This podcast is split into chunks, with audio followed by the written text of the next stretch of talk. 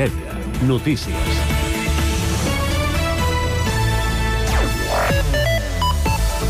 Bona tarda. El sindicat professors de secundària té clar que els telèfons mòbils no tenen lloc a les aules. El representant del sindicat professors de secundària al Vallès Occidental, Jordi Collado, considera que el fet que l'alumnat disposi d'ordinadors als centres ja porta el component digital a les classes. Que hi hagi una prohibició per tots els instituts és clau perquè es pugui establir un ordre a les aules. Segons el sindicat, Collado lamenta que el departament hagi optat per deixar la decisió a mans de cada institut. L'escoltem. El departament eh, es treu el problema a sobre i diu que cada institut decideixi, sense posicionar-se d'una forma clara. Ah, llavors és, és, és una cosa absurda, perquè què vol dir? Que si a mi em toca, eh, per dir alguna cosa, no? o un institut d'aquí de Sant Cugat, com podria ser l'Angelet de Ferrer, podré tindre mòbil, però en canvi si vaig al Pla Ferreres no podré tindre mòbil, s'ha de pensar una mica, no? lògicament, i fer una cosa amb cara i ulls. Quan les solucions per evitar l'entrada de mòbils als centres veu una bona al cas de l'escola Tau, que fa guardar-los en uns armaris custodiats pel professorat. Ara bé, considera que per donar terme a aquesta iniciativa cal que hi hagi mitjans partides i algú que se n'encarregui. A més notícia que el pressupost municipal i les ordenances fiscals del 2024 se sotmetran a aprovació definitiva al ple municipal de desembre, que se celebra divendres al matí. El govern presenta per al 2024 uns comptes de 144 milions, un 5% menys que el del 2022 i que es va prorrogar per al 2023 i aposta per congelar els impostos malgrat que revisa bonificacions. Aquests dos punts s'introduiran a l'ordre del dia del ple per urgència.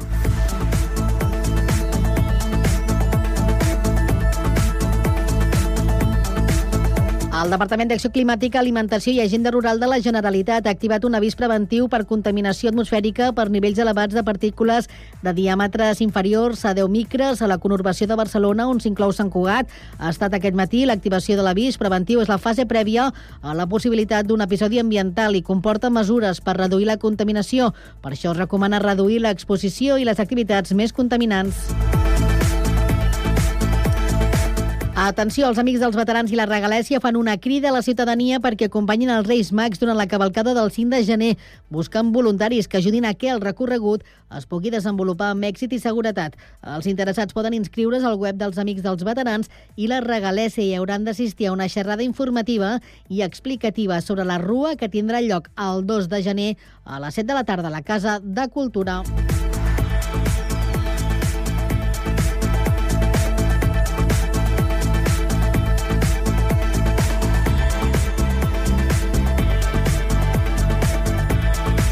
Cugat Mèdia, la informació de referència a Sant Cugat.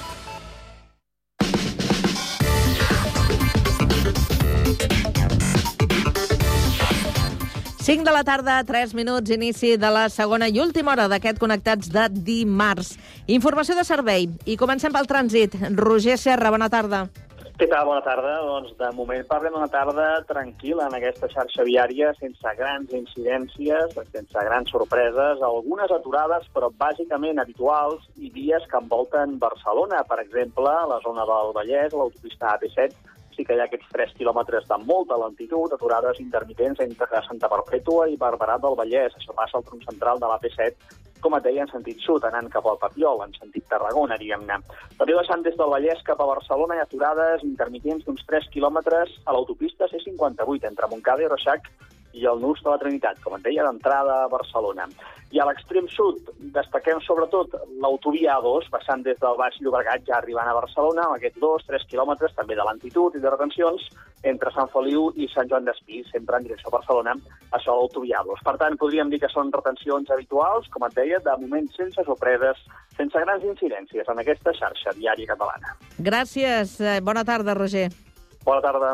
I anem ara fins al Transmet eh, per saber com està funcionant el transport públic. Albert Garram, bona tarda. Doncs avui dimarts parlem de moment de normalitat a la xarxa de transport públic de l'àrea metropolitana on no destaquem cap incidència rellevant. Els serveis de transport públic funcionen segons els horaris i freqüències de pas planificades. Destaquem això sí abans d'acabar que s'ha més un avís preventiu per nivells moderats de contaminació per PM10 a la zona d'especial protecció de l'àrea de Barcelona i per això es recomana fer ús del transport públic. Ara sí, de moment això és tot des del Transmet.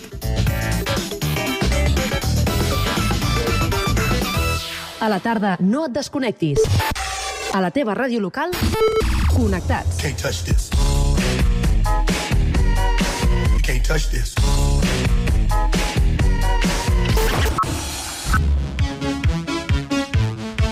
Can't touch this. Can't touch this. Connectats amb Carme Rebell.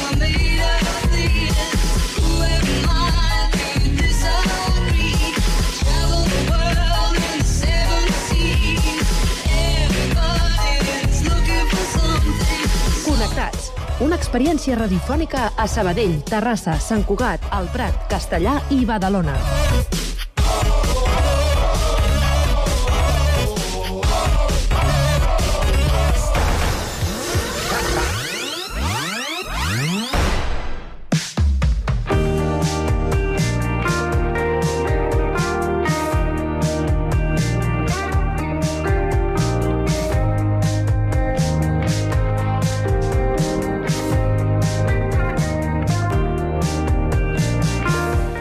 El terrassenc eh, Pedro Moya es va formar com a arquitecte i després d'uns anys treballant en diverses empreses, l'any 2019 va muntar el seu propi despatx. Avui el tenim al Connectats. Bona tarda, Pedro. Mm, Bona tarda. Bona, tarda.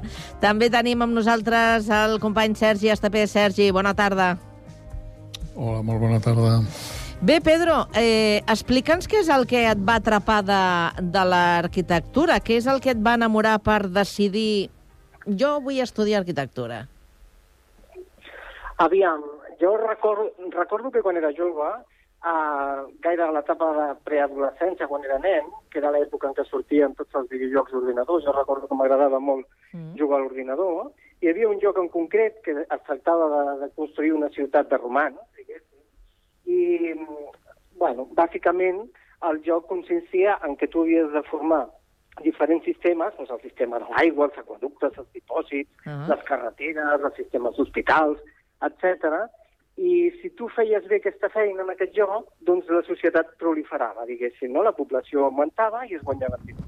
Llavors, crec que és a través d'aquests jocs d'ordinador, aquesta infància que jo vaig tindre, que em vaig enamorar una mica de, de la gestió de la ciutat i de l'interès de poder participar en alguna cosa que, que es pogués transmetre a la societat i que tu poguessis veure amb els ulls com estaves participant d'aquesta societat, no? Com podies millorar una mica el sistema de la ciutat. Quin missatge, no?, més xulo, a través d'aquest joc. Sí. La veritat sí, és la que... veritat és que quan, quan nosaltres hem de, hem de decidir, i actualment això també passa, quan hem de decidir a quina professió ens dediquem, mm. som molt joves per saber-ho. Llavors, al final, t'agafes el que tens al voltant. Si tu no tens una influència familiar, diguéssim, un negoci familiar que et pugui, doncs tira per aquí, o alguna cosa, amb aquestes edats, amb 12, 13, 14 anys, que és quan has de decidir cap on has de tirar, t'agafes el que tens més a prop. Clar. I jo en aquell moment teníem això. I escolta'm una cosa, en aquell moment, quan descobreixes el, el, el tema de l'arquitectura, ja tenies una idea del que... A què et volies dedicar exactament o no? No, eh, bàsicament el que m'agradava a mi era dissenyar espais que poguessin utilitzar les persones, no? Llavors, més que l'arquitectura en si, que al final he acabat fent, Mm. que estem fent, nosaltres ara fem, tenim un estudi d'arquitectura per fer cases unifamiliars, el que volia inicialment era dedicar-me a construir ciutat, diguéssim, no? Algo una mica, una mica més enllà. Però la vida t'ensenya al llarg dels anys de que tu pots tindre un objectiu, el que fas és enfocar, però és al final la vida la que et posiciona en el lloc correcte, no? Per Mm. molt que vulguis una cosa, al final res és com tu t'imagines, tot és molt més costós, diguéssim, i al final vas aprenent al llarg dels anys i et posiciones en un lloc una mica diferent del que tu volies, però dintre del camp que tu, que tu havies pensat. Sí, sí.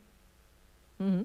Hola, Pedro. Jo, jo aquest joc que deia el Pedro, jo el recordo, eh? Ah, sí? El que passa que jo jugava... Sí, jo jugava més aviat a jocs de futbol. I era, Ah, clar, era més tu de esportiu. construir ciutats no, no era el teu, no?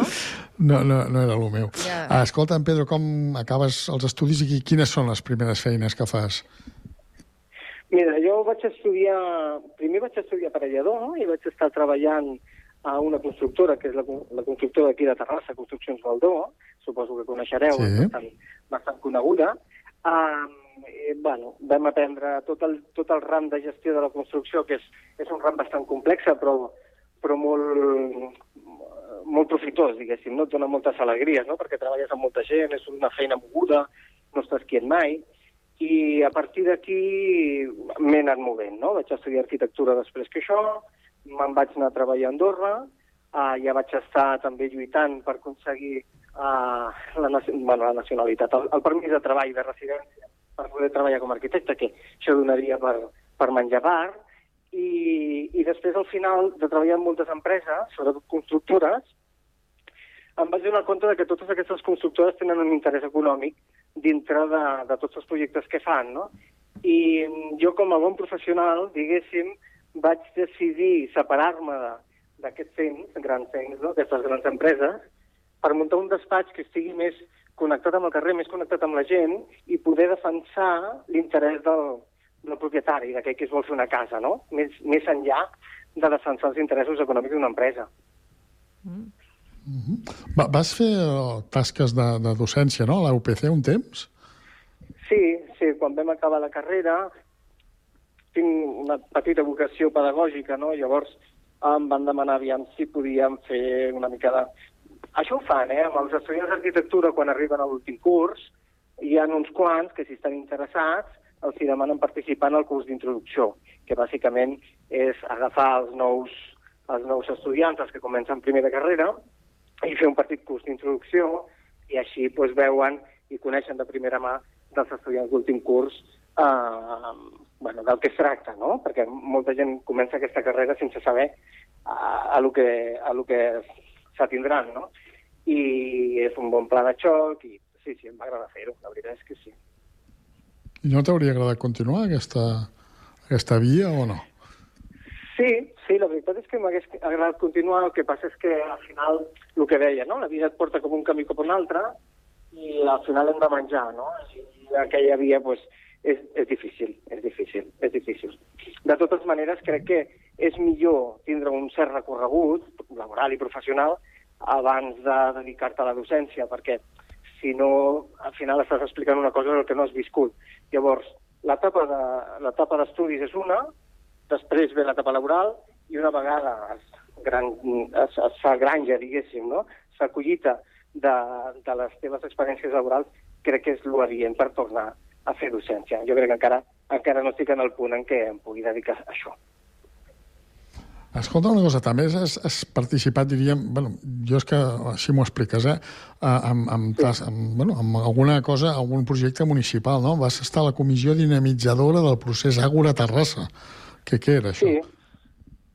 Mira, uh, com us he explicat abans, a mi sempre m'ha agradat participar amb la ciutat. Llavors, uh, el procés Agora Terrassa, bàsicament, el que es tractava era de que la, la, la gent, la ciutadania de Terrassa, participés dintre de, de les decisions que es, que es prenien a, a, a l'Ajuntament. No? Llavors van ser les comissions en les que participaven un grup de treball de ciutadans anònims que es presentaven i participaven a l'hora de projectes com podria ser la mobilitat o l'agenda urbana, etc, perquè la gent pogués participar. Vam estar, vam estar un temps treballant amb això i la veritat és que va ser bastant enriquidor, um, llàstima que no continuï a hores d'ara, no? perquè la gent hauria de participar molt més del que participa a la ciutat. No? Tots ens queixem, diguéssim, de que no ens deixen portar el cotxe al centre, de que hem de donar moltes voltes, de que estan peatonitzant els carrers, però al final, si, si tothom participéssim d'aquests processos i coneguéssim de la mà de la, dels tècnics de, de l'Ajuntament el per què fan les coses, tots prendríem més consciència i els sentiríem partíceps. Uh -huh. I, eh, bueno, uh, ho deies al principi, arriba un moment que decideixes establir-te pel teu compte, em sembla, si no m'equivoco, és l'any 2019 i, i fundes Acord d'Arquitectura, no? Sí, sí uh, el que vam fer, vaig voler fer va ser, aviam, uh, conceptualment jo sempre he tingut en el cap que els arquitectes estan en un entresol, no? És allò de que vas pel carrer i veus una, una plaqueta de color daurat o color platejat que diu arquitecte en la primera planta, o dentista, o, o oculista, no? Llavors, um, és com molt opac. Llavors, el que jo vaig pensar és vaig dir, escolta, tu, tu el que has de fer és una cosa que sigui totalment transparent, perquè el sector de la construcció avui en dia és una cosa molt opaca. Quan algú vol fer una casa, uh, té molta por. És a dir, normalment quan hi ha una parella i li preguntes, tu et vols divorciar? Fes-te una casa, no? Perquè tot el procediment que ve darrere és molt costós i hi ha molts conflictes. Llavors, les empreses constructores també eh, tenen part de, part de culpa, hi ha com tot un procés molt, molt opac. Llavors, el que jo vaig pensar va ser munta't un despatx que sigui totalment transparent. Un despatx pedagògic i que expliquis què és el procés que es trobarà el client pel davant, no? I així ho vam fer. Vam muntar una planta baixa, un local, i això és el que fem avui en dia. Uh -huh. qui, qui, de quin, és que no sé, clar, jo no hi entenc d'arquitectura ni de despatxos. Qui, quins serveis oferiu o quin, quin tipus d'arquitectura o quin tipus de, de coses feu? Nosaltres ens encarem bàsicament a construir habitatge unifamiliar o reformar cases antigues uh, i rehabilitar-les. No? Ara que està tot el tema de l'eficiència energètica punter, pues, el que fem és agafar una casa típica de Terrassa, d'aquestes que estan entre mitgeres, i la reformem, la rehabilitem, arreglem la coberta, l'envellim per dintre i bàsicament li tornem a donar una vida, no? perquè una família pugui, pugui entrar-hi a viure i, i tornar a gaudir d'ella.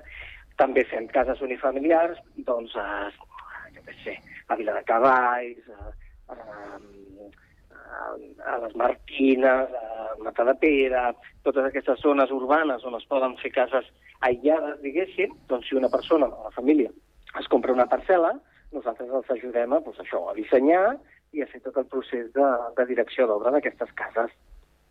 A la vida normalment hi ha pocs projectes que siguin projectes de vida. Quan tu, quan tu et preguntes eh, què és un projecte de vida, un projecte de vida és un projecte important que farà que la teva vida canvi o, o, o, o, o que estarà amb tu tota la vida. No? I d'aquests projectes de vida hi ha molt pocs. Un és tindre un fill, formar una família, l'altre és emprendre un negoci o, o, per exemple, escriure un llibre, uh, iniciar una activitat laboral que també t'acompanyarà tota la vida i canviarà la vida, i la tercera ser una casa. No? I quina cosa més maca en el món de poder ajudar algú a construir un d'aquests projectes de vida, no? I un d'aquests és fer-se la casa. Doncs mira, ara estava pensant que si t'encarreguem un projecte de, de vida en el teu, en el teu despatx, m'agradaria saber com és el Pedro Moya. I em sembla que, em sembla que ets una persona que t'agraden molt els jocs de taula, no? Sí. Uh, bueno, al igual que t'he explicat, no? que de jove m'agrada actualment també ens agrada, bueno, sí, ens agrada jugar a jocs de taula, també pel tema de la gestió, i juntar-nos amb uns amics i passar una bona estona, no? Uh, això em ve també perquè tinc, bueno, no tinc problemes de sordera, però sí que quan jo de jove anava a discoteques, ah. les músiques tan altes que ficaven, no m'enterava sí. del que deia la gent. Llavors, no t'enteres del, que, del que diuen els amics, fos malament rai, no? Llavors sempre he buscat uh, ambients o jocs de, lúdics que, que et puguin permetre parlar amb la gent amb tranquil·litat sense, que, sense tindre aquesta cridant, no? I els jocs de taula doncs, em, em donen aquesta possibilitat. A veure, que veig que domines el tema. Eh, digue'm a què jugues. Quins són els teus jocs eh, favorits? Aviam, Uh, hi ha un joc que, que m'agrada molt, que es diu Catan, suposo que el coneixeu, que és un, és, un, és un joc típic. El que passa que és una mica conflictiu, perquè eh, fa interaccionar els jugadors i, i, i, i a vegades creen conflictes, no? Jo he deixat d'anar a jugar a casa del meu germà i la meva cunyada, diguéssim, per, per, per, per disputes amb els jocs de taula, no? I llavors he descobert alguns altres tipus de joc. El, el joc del Catan, bàsicament, també va una mica en relació amb el que estem parlant és, de constru... és un joc de construcció de, ah. de ciutats i camins i, i guanya el jugador que més, que més pobles construeix i m'agrada perquè és un joc que és, és molt variable. Eh? Normalment, el dolent dels jocs de taula és que t'avorreixin i els acabis guardant un estant de l'armari. Has jugat alguna vegada, Pedro, has jugat alguna vegada al Carcassonne? Al Carcassonne he jugat, també, sí, sí, aquest sí. el tinc. Sí, és molt maco. També és un joc molt variable, perquè té aquestes losetes que les pots anar canviant i cada partida és diferent. Doncs aquests ah. jocs són molt, molt, molt divertits. I quan ja t'has cansat de jugar a jocs de taula, m'imagino que el que també et ve de gust és eh, estar a prop del mar, no? Sí, aquesta és una de les, la segona de les meves aficions, que és la natura, la natura en general. Eh, m'agrada fer senderisme, m'agrada anar a la muntanya, que passa que amb el pas dels anys i el, i el guany de quilos, al final cada vegada és més complicat Uh, però però, però m'agrada molt la natura i una de, un, una de les natures que la gent desconeix més és el mar, no? Quan veiem la platja ens quedem amb la platja i no pensem més enllà. Però si tu vols estar en contacte amb la natura, un dels millors llocs per estar-hi és anar-te'n al fons del mar, diguéssim, no? Mm. Perquè allà estàs tu sol davant de la immensitat, tot és natura, sí. i, i has de jugar, amb, sobretot si agafes embarcacions de, tipus de, de vela, com que és les, les, les que jo agafo, uh, és com més jugues amb la natura, perquè estàs jugant amb el vent. És a dir, si tu jugues amb el vent, et mous cap endavant o cap endarrere, no? Um, per tant, és, és una de les aficions que sí, que, que m'agrada. Bé, doncs eh, t'hem conegut una miqueta, eh? una miqueta més a fons, perquè, clar, el temps és limitat i ens Limitat. hauria agradat eh, poder tenir una mica més d'estona de conversa. Però acabarem coneixent quins són els teus gustos musicals, perquè ens has de dir quin és el tema que has triat per acabar l'entrevista. Bueno, he, he triat un... El Sergi em va preguntar, digue'ns una cançó que t'agradi. Um, he triat la, la, la cançó de l'arquitecte, justament, de, de Amics de les Arts, Mm? perquè és una cançó que ens ficàvem quan estàvem a la carrera, que estàvem estudiant, i ens, ens feia sentir molt, molt, molt, molt eh, protagonistes, no?, diguéssim, perquè Clar. és una cançó que m'agrada molt.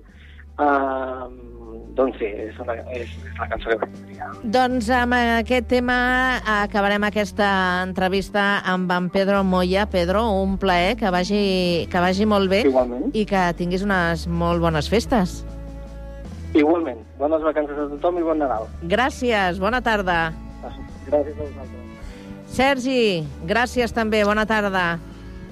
Quan li vaig proposar al Pedro l'entrevista em va Sí. dir que ell no era una persona que pogués dir coses interessants. Jo crec que ha quedat Home, clar que sí, que ha dit Jo crec que sí, moltes eh? coses Ens hem, quedat, interessants. ens hem quedat amb ganes, la veritat, per parlar de la professió, per parlar una mica més de la seva... Bueno, sí, ens hem quedat amb ganes. Gràcies, Sergi. Au, Fins adéu. demà. Adéu. espai amb cuina menjador i deixar que la tarda entri al sol i finestres de quatre per dos i que tingui sentit de l'humor i un saber-se triar dels amics i un caure que el faci més fort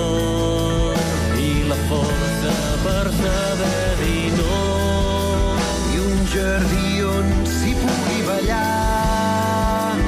I un portal que convidi a passar i un veí, un catxondo mental i una taula al carrer per Sant Joan.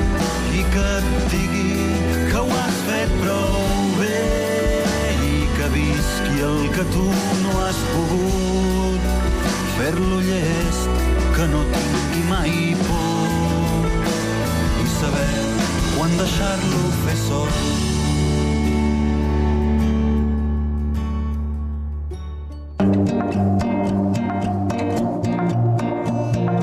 Bocabadats. Aquest podcast és una producció de Ràdio Sabadell.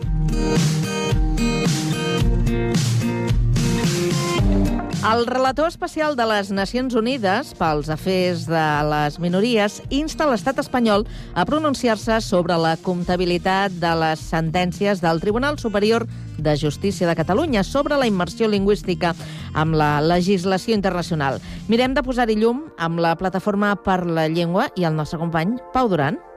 Les Nacions Unides han mostrat preocupació per la situació del català al sistema educatiu i demanen revisar les sentències del Tribunal Superior de Justícia de Catalunya contra la immersió. En parlem amb la vicepresidenta de la Plataforma per la Llengua, Mireia Plana. Gràcies per atendre'ns. Moltes gràcies a vosaltres. Ben bé, què és el que han dit les Nacions Unides? Doncs mireu, des de fa un, un, més, una mica més de dos anys que diferents entitats, entre les quals eh, Plataforma per la Llengua, però també la Intersindical, l'Austec, el CPC, Escola Valenciana, ens vam unir per enviar informes al relator mm, de la ONU per les minories per anar-lo informant sobre l'estat de l'escola catalana i tot el que estava, tots els atacs que estava rebent el sistema d'immersió, que evidentment està reconegut per la UNESCO com a un sistema vàlid. I, i, I li vam anar enviant tota aquesta informació. Arran d'aquesta informació que nosaltres li hem anat enviant durant tots aquests anys i, evidentment, la informació que el mateix relator ha anat recaptant d'altres fonts, doncs, eh, finalment, eh, ara, al mes d'octubre de 2023, va emetre aquest informe. En aquest informe, bàsicament, el relator el que diu és que observa amb, amb preocupació que eh, s'està reduint l'ús del català a l'escola i això posa en perill la supervivència del català perquè, a més a més, constata que el castellà és una llengua, una llengua l'aprenentatge de la qual està garantit i privilegiat a, en la societat en general. I, per tant, demana a l'Estat que revisi aquestes sentències al 25%, perquè, a més a més, aquestes sentències representen una incoherència amb les normes internacionals dels drets humans.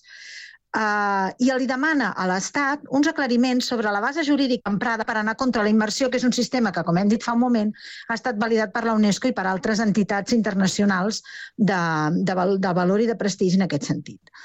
A més a més d'això, li demana eh, també que adapti la Constitució espanyola als nous instruments internacionals de protecció contra la discriminació, perquè, per exemple, l'article 14 de la Constitució, que parla de la igualtat davant de la llei, no esmenta la llengua com a un element que pot generar discriminació, com sí que fan ara tots els tractats de drets humans de les Nacions Unides. I, per tant, li demana a l'Estat que, eh, per una banda, revisi la, la seva legislació per adaptar-la a l'actualitat de, de la legislació en drets humans eh, que hi ha a tot el món, i, per una altra banda, doncs, per, per, per, aquesta, per aquest atac judicial contra l'escola que el que fa és perjudicar la supervivència del català. Parlaves dels atacs judicials. Estaria bé que en fessis una mica de memòria, Mireia.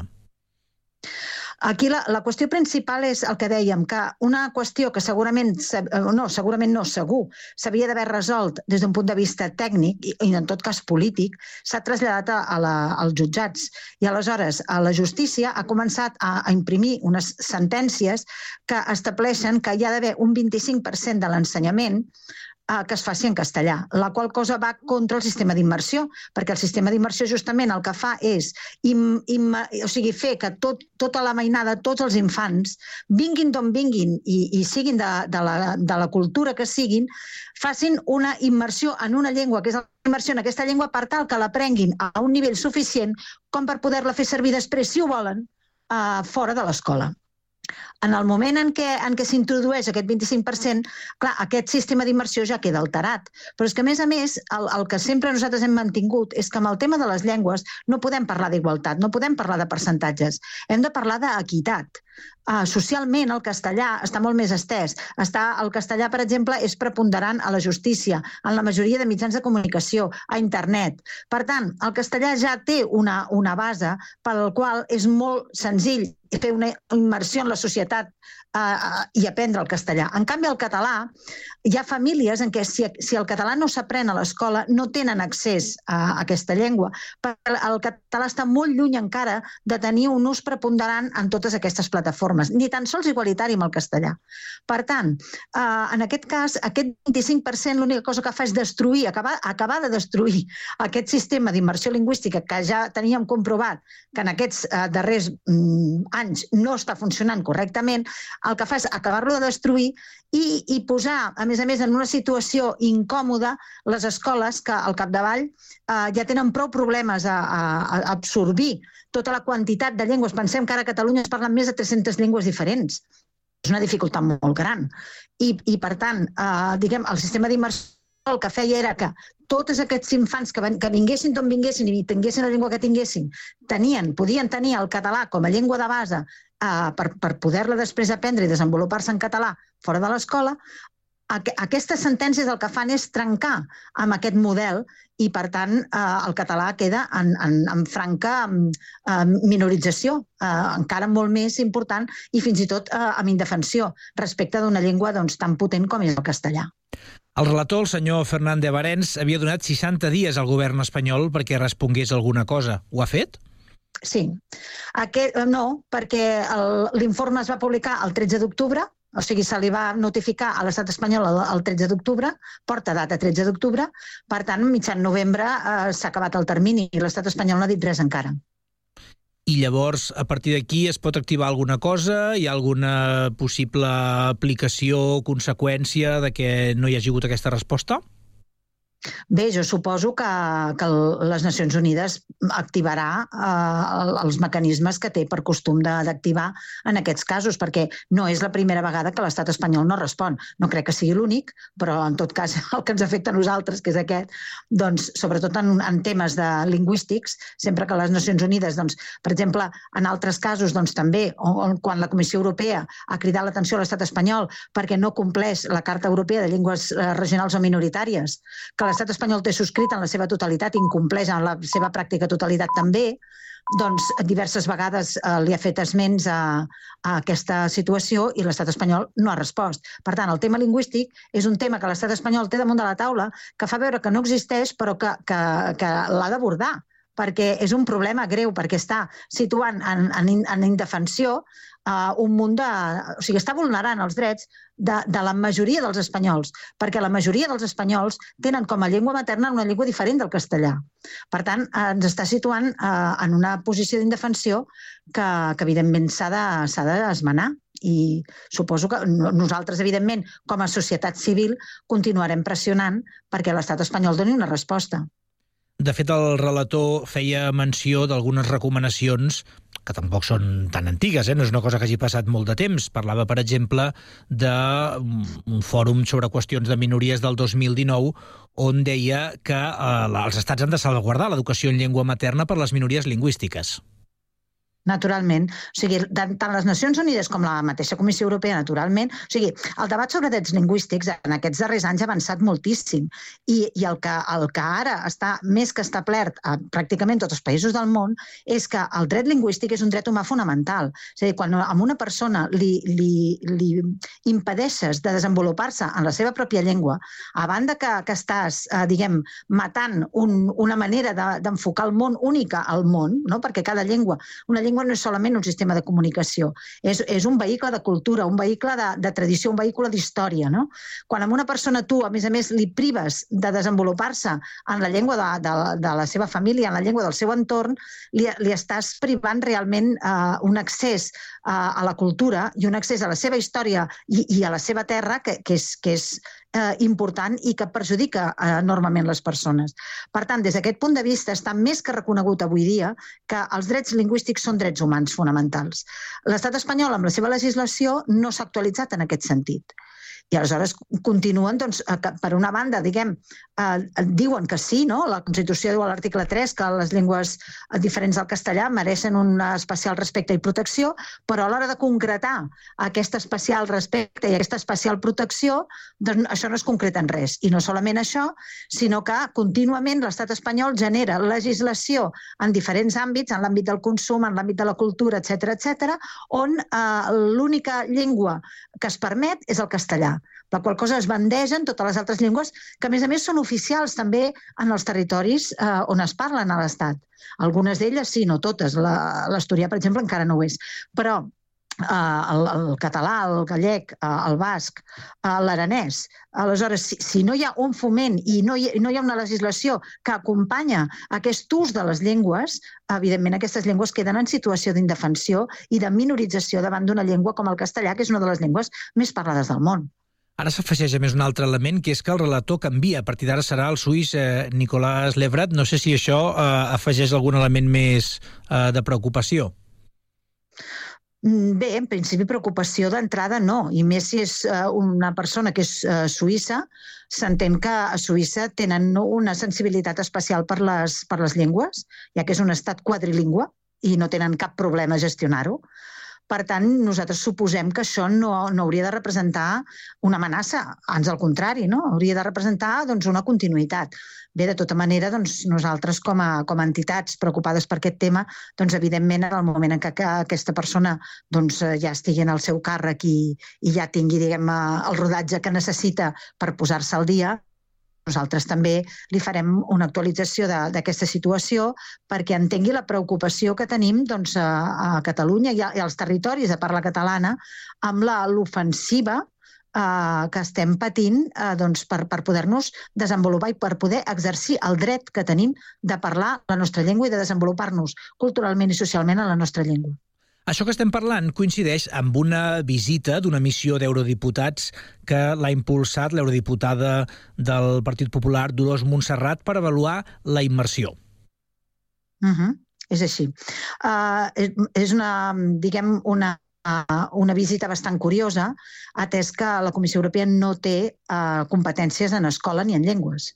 Però bé, en qualsevol cas, um, a part d'això, eh, nosaltres entenem que, que això és, és una eh, diguem que és una visita que fan que és mm, purament política, que s'emmarca en, un, en una en una ofensiva política, també, perquè, en certa manera, doncs, el que vindran a veure aquests senyors, si realment estudien el que està passant a les escoles, és que podran comprovar que, que el català és la llengua que menys es parla a les escoles avui, eh, perquè està me, més que comprovat i, i, i, vull dir, hi ha les dades que, que, és, que és igual, vagin a l'escola que vagin, que encara que vagin a allò, al, al cor de Catalunya. Al cor de Catalunya, la llengua més utilitzada a les escoles, als patis de les escoles, per desgràcia, és el castellà.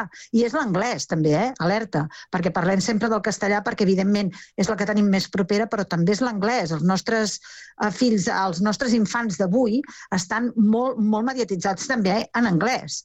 I, per tant, tot això el que fa és anar en detriment de l'ús normal, habitual i comú de, de, la, de la resta de llengües. I, i això també fa doncs, això, no? que que aquesta consciència de societat doncs, es vagi perdent. I aquest, aquest lligam amb, amb, amb, amb la història, amb la cultura i també eh, diguem, aquest lligam amb, amb el que és la, el foment de, de, del, del treball també en el territori, no? que tu per anar a treballar necessitis el, el català per poder doncs, comunicar-te amb proveïdors, amb, amb venedors, etc. Tot això, el fet que la llengua perdi a força i perdi utilitat, el que fa és deslligar les comunitats. Per tant, és importantíssim que, que això es vegi d'aquesta manera. Aquesta, bueno, nosaltres tenim ganes de, de veure l'informe que farà aquesta comissió per saber si, si, si diuen la veritat o, o evidentment, doncs, eh, bueno, o falsegen eh, segons eh, els seus interessos, doncs, com acostumen a fer, eh, doncs, la situació real del català a les escoles, que ja ha estat reconeguda doncs, tant pel Departament d'Educació de, com, com per altres instàncies i altres òrgans que han estudiat a, a peu de carrer, a, bueno, a peu d'escola, nosaltres mateixos amb els estudis de patis, que hem pogut constatar de primera mà doncs, que, que l'ús del català als patis doncs, eh, ronda el, 13, el 30% en els casos eh, més optimistes. Mireia Plana, vicepresidenta de Plataforma per la Llengua, gràcies per atendre'ns. Veurem com queda tot plegat. Veurem. Gràcies a vosaltres.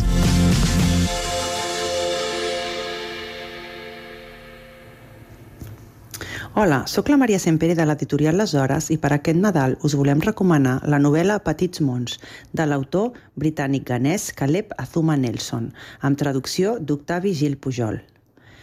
L'Stephen, el protagonista d'aquesta novel·la, és un adolescent de segona generació de pares ganesos que viu a Londres. Ha acabat el batxillerat i se sent pressionat per seguir un camí ja pautat.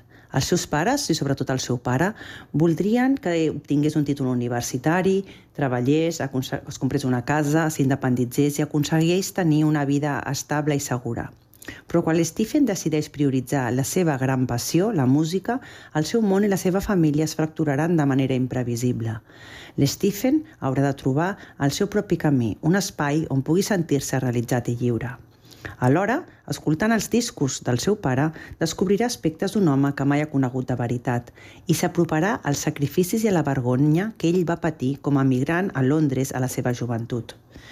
Aquesta novel·la és una reflexió sobre els llaços familiars i els traumes intergeneracionals, sobre l'experiència de ser migrant i sobre com el llenguatge de vegades pot defallir, però la música i la capacitat de ballar sempre són alliberadors els, aquesta novel·la, Petits mons, de Caleb Azuna Nelson.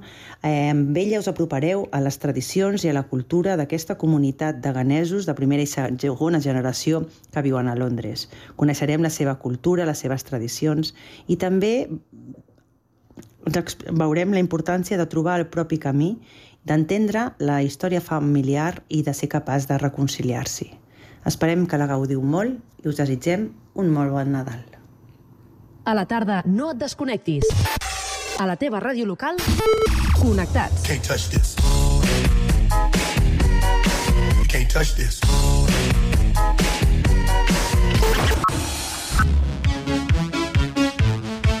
Can't touch this. Can't touch this. Connectats amb Carme Rebell.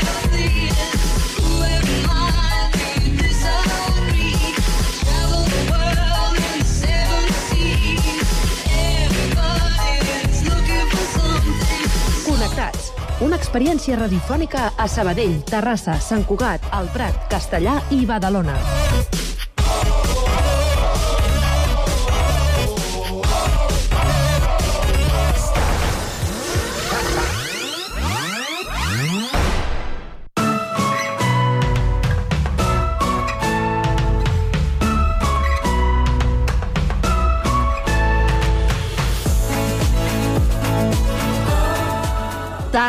Aquest eh, Connectats amb la secció de Cultura i avui continuem a Sabadell perquè ja s'ha presentat un Nadal embruixat, el llibre de la Marina Vila il·lustrat per Sílvia Morilla, que també s'ha encarregat de l'edició. I a Sabadell han quedat eh, amb elles per fer-nos 5 cèntims. Pau Duran, bona tarda de nou.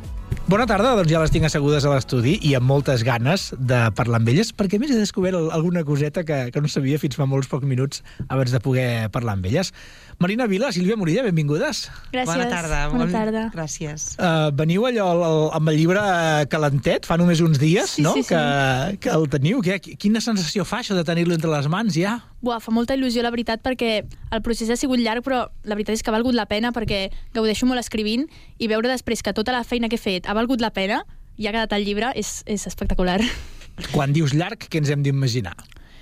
Bé, perquè jo el vaig començar el 2021, llavors durant una llarga temporada el vaig deixar perquè va ser com... El vaig començar un dia per provar així, però després el vaig deixar i ara des de fa uns mesos que m'hi vaig tornar a posar i ja com treballant més, saps? Com amb un objectiu al final, ja, diguem, de dir, això sí, sortirà. va ser, vull fer aquesta novel·la perquè m'agrada escriure i la vull acabar. I al principi, quina va ser la motivació de dir, va, mm, començo, vinga, m'hi poso? Bé, mm, a veure, la meva idea va ser perquè a mi mm, des de sempre m'ha agradat molt la ciència-ficció i la meva festa preferida sempre ha estat el Nadal. Llavors vaig dir, si faig una barreja d'aquests dos temes que m'agraden tant i formo com una novel·la, I el resultat és aquest, un Nadal embruixat, no? Sí. I han tingut a bé editar-te-la, no?, a l'editorial que mena la Sílvia Morilla. Sí.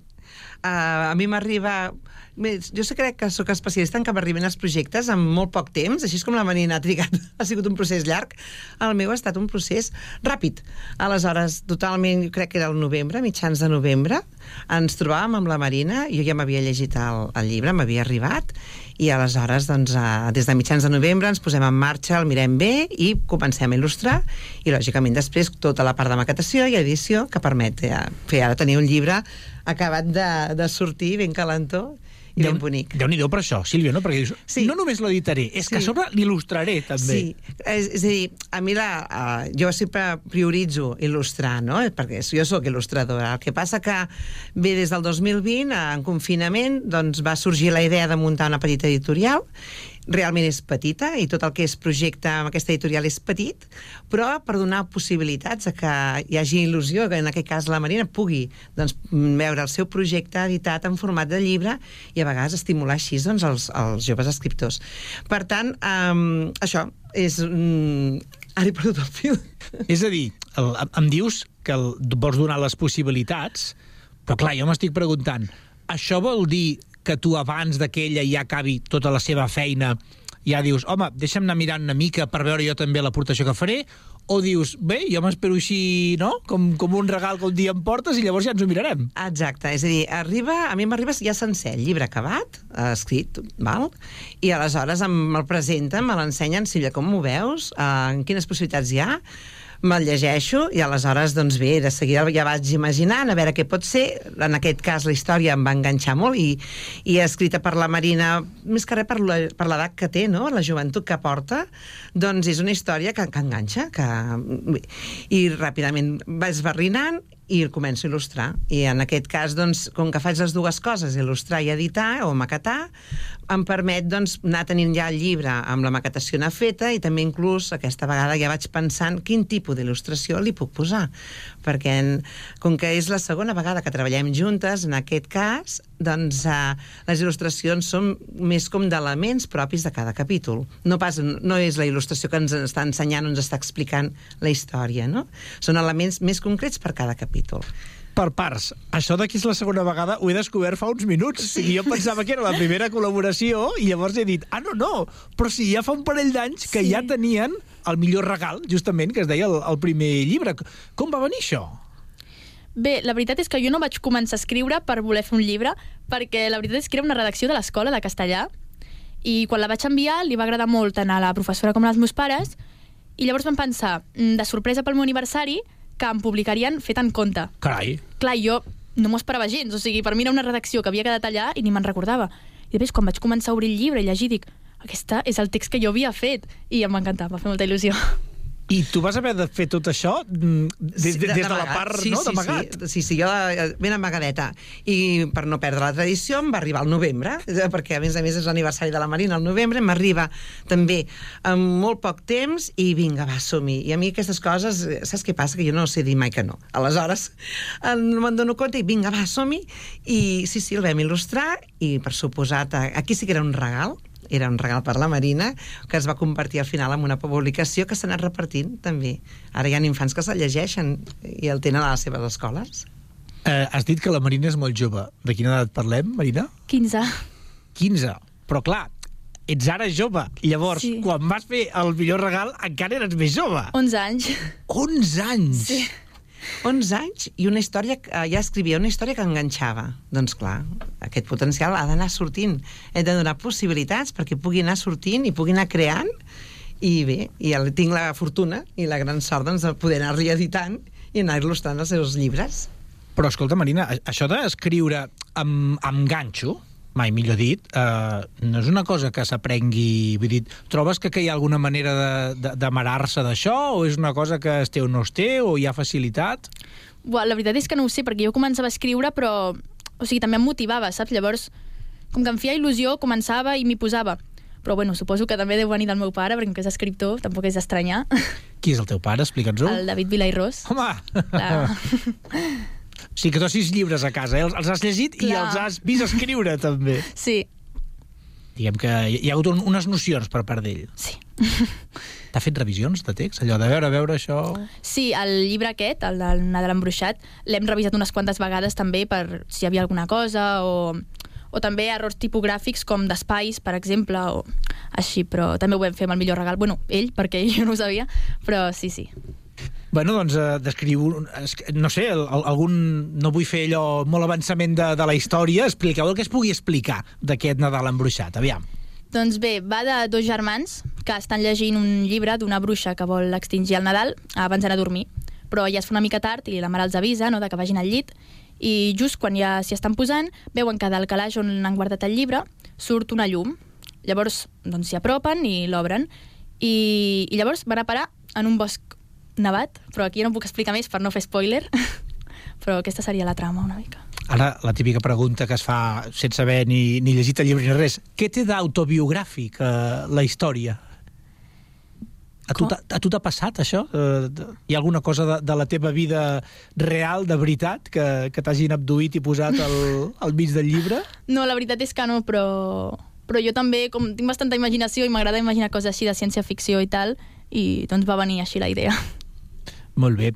Sílvia, quan vas veure el plantejament, mm, en, en quin punt dius, ostres, l'estil d'il·lustració anirà per aquí? Perquè suposo que aquí hi ha una part de feina que és decidir, però també descartar, no? Serà això, per tant, no serà ni això, ni això, ni això. Sí, eh, sí que és veritat que eh, tinc un traç que puc modificar molt, és a dir, tant puc fer una il·lustració molt infantil com acabo fent a vegades una il·lustració més adulta, no?, en funció de com està treballat.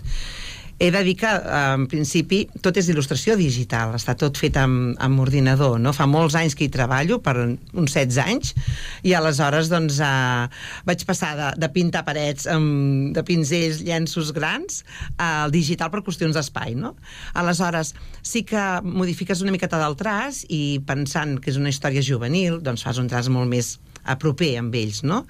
Però és una mica el que deia abans, eh, aquesta vegada per la qüestió de temps i per canviar també una mica, perquè no sempre pensem en les novel·les doncs, que les il·lustracions ens hagin d'explicar concretament què ens està passant aquella història, el text mm, és tan ric que ja funciona sol. Per tant, hem decidit, doncs, això, a dibuixar elements, és a dir, com els personatges i molts elements que van sortint al llarg de la història que ocupen capítol a capítol. I aleshores dona la casualitat que si hi ha 25 capítols, una història de Nadal, el dia de Nadal, i per tant hi ha 25 elements que gairebé que inclús havíem pensat de fer un calendari d'advent, eh, Marina? De... Digues, digues. No, no, acaba, perdona. No, no, més que res que és un llibre que ha donat també joc a això, no? Entre el Nadal, el 25, els 25 elements, doncs eh, no és només llegir la història, sinó que el, el lector pot anar lligant cosetes. Vull dir que és, és molt enriquidor. Que més eh, sé que a vegades com a editors preocupa el tema del calendari, però clar, en aquest cas era clau, no?, per lligar-ho una mica tot. Sí, sí, és a dir, va arribar... Eh, bé, el vam presentar ahir, dilluns, doncs va arribar eh, això el dijous, una cosa així, és a dir, mm, gairebé molt justet. Però bé, ha arribat, l'hem pogut celebrar i, i per molts anys, i ara que duri i que camini ben força. Uh, del Nadal embruixat, mm, quantes còpies veu decidir tirar-ne i més o menys per on es pot trobar? Mira, en principi fem un tiratge petit, pel que suposa una editorial, que en aquest cas són 100 exemplars, d'acord? I ara per ara, doncs, eh, segurament el trobarem a la llar del llibre, sí? I, i després, doncs, contactant amb, també amb la Marina, és a dir, de vegades comprar directament el llibre a l'escriptor, doncs hi ha l'oportunitat de conèixer. I aleshores pot comprar-se directament a la Marina o també comprar-lo via l'editorial Civilam, edicions... Eh, Bé, hi ha diferents maneres d'adquirir-lo. Marina, no sé si eh, hi ha hagut gaire gent, perquè clar, quan això acaba de sortir del, del forn, crema, encara, com aquell qui diu, no? No sé si hi ha hagut gaire gent que hi ha pogut donar-li un cop d'ull, dir-te el seu parer, el que n'hi diem allò, rebre el feedback, eh? Doncs sí, perquè l'he portat a l'escola perquè volia donar-li un exemplar a la tutora, perquè ja que em va presentar doncs, la presentació, doncs, doncs era com un regal, no? I, i també em portaven pels meus avis i pels meus tiets, llavors els he ensenyat, no?, perquè em feia il·lusió a les meves amigues, i, i bueno, sí, li han fet un cop d'ull, han mirat de què anava, perquè tampoc els havia explicat gaire. I, i això, bàsicament. Uh, aquest, deixa'm dir-li talent que tens en, en l'escriptura, això que ens explica la Sílvia, de que trobes una manera aquesta aquest mecanisme d'anar captivant el, el lector, t'ha fet pensar de dir, bé, doncs com a mínim una altra cosa sí que escriuria, o qui sap, si potser anar-me dedicant alguna de les facetes de la meva vida cap al món de l'escriptura en qualsevol de les disciplines que sigui, eh? Doncs sí, perquè, mira, amb el... Bueno, quan vaig escriure el millor regal, que era una redacció, jo no ho vaig pensar, no? perquè només estava pensant que era doncs, una redacció de l'escola. Però amb un Nadal embruixat, quan vaig veure que, o sigui, que això fluïa i... Doncs sí que m'ho he replantejat i ara la veritat és que faig un mini spoiler i és que estic escrivint una altra novel·la Epa! que em porto la meitat o així i estic molt motivada, la veritat és que sí. I, i t'has de fer una mica de calendari ja, de, de pensar més o menys eh, quan l'acabaràs? No sé si hi ha alguna editora que ja en vol saber alguna cosa o... Bé, això sí que no ho tinc pensat, però sí que li porto un ritme a la història. No és com aquest, que el vaig deixar durant molt temps, sinó que cada setmana, això, almenys, escric quan puc, perquè també amb els deures i les feines de l'escola, però sí, sí, quan puc m'hi poso. O sigui que la inspiració t'agafa treballant, eh, que deia aquell? Sí, sí, sí, quan m'hi poso és com... És molt seguit, o sigui, no puc parar després, perquè em vaig inspirant, em vaig inspirant i em van sortir les idees.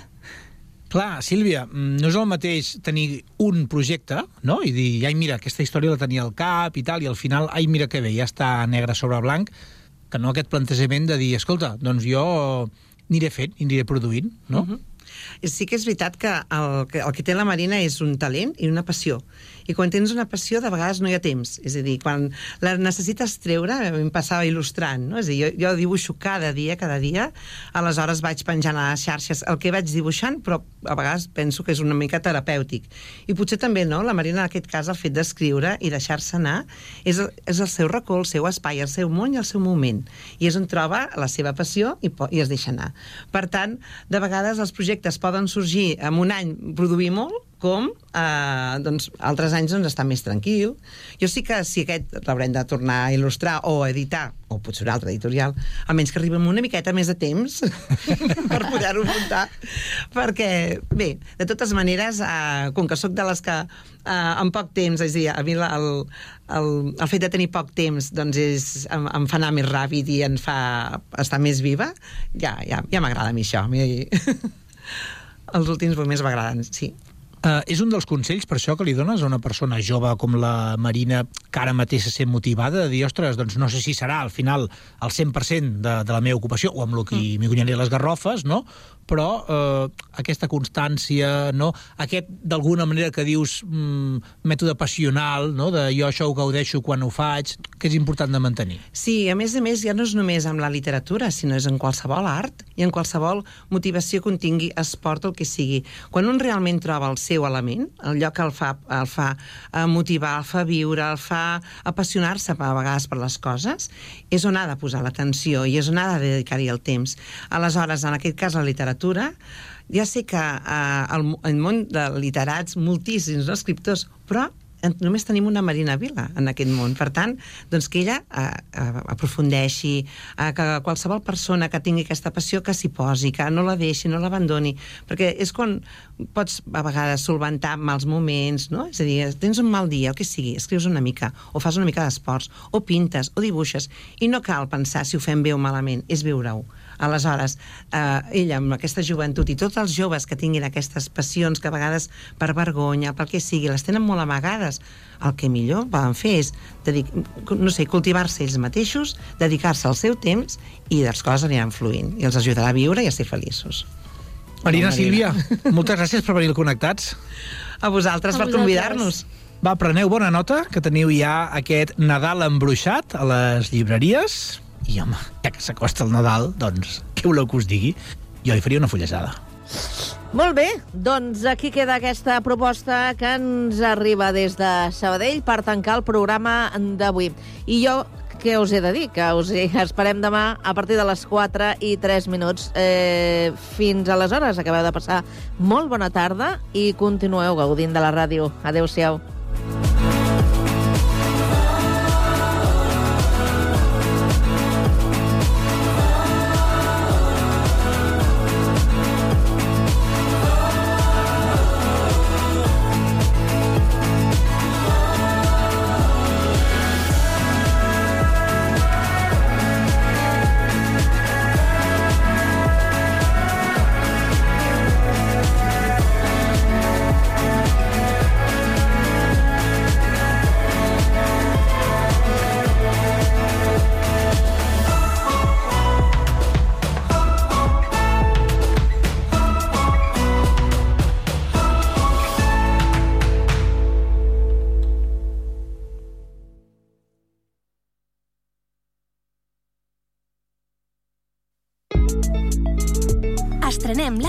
Del Picalletres. Paraules i jocs lingüístics per a tothom. Descarregueu-vos l'APP a Google Play o a l'App Store i comenceu a jugar.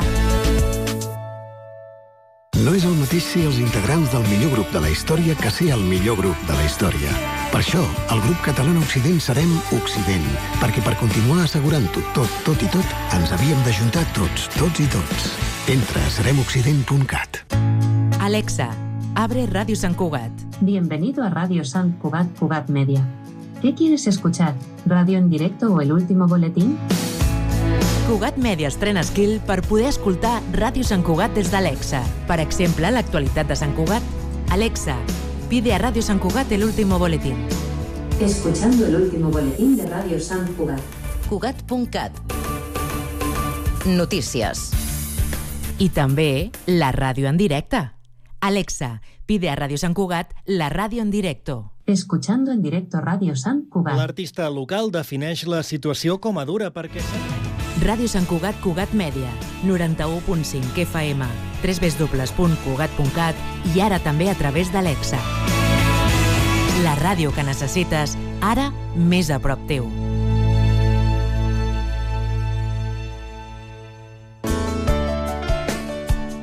Ràdio Sant Cugat. 91.5 FM.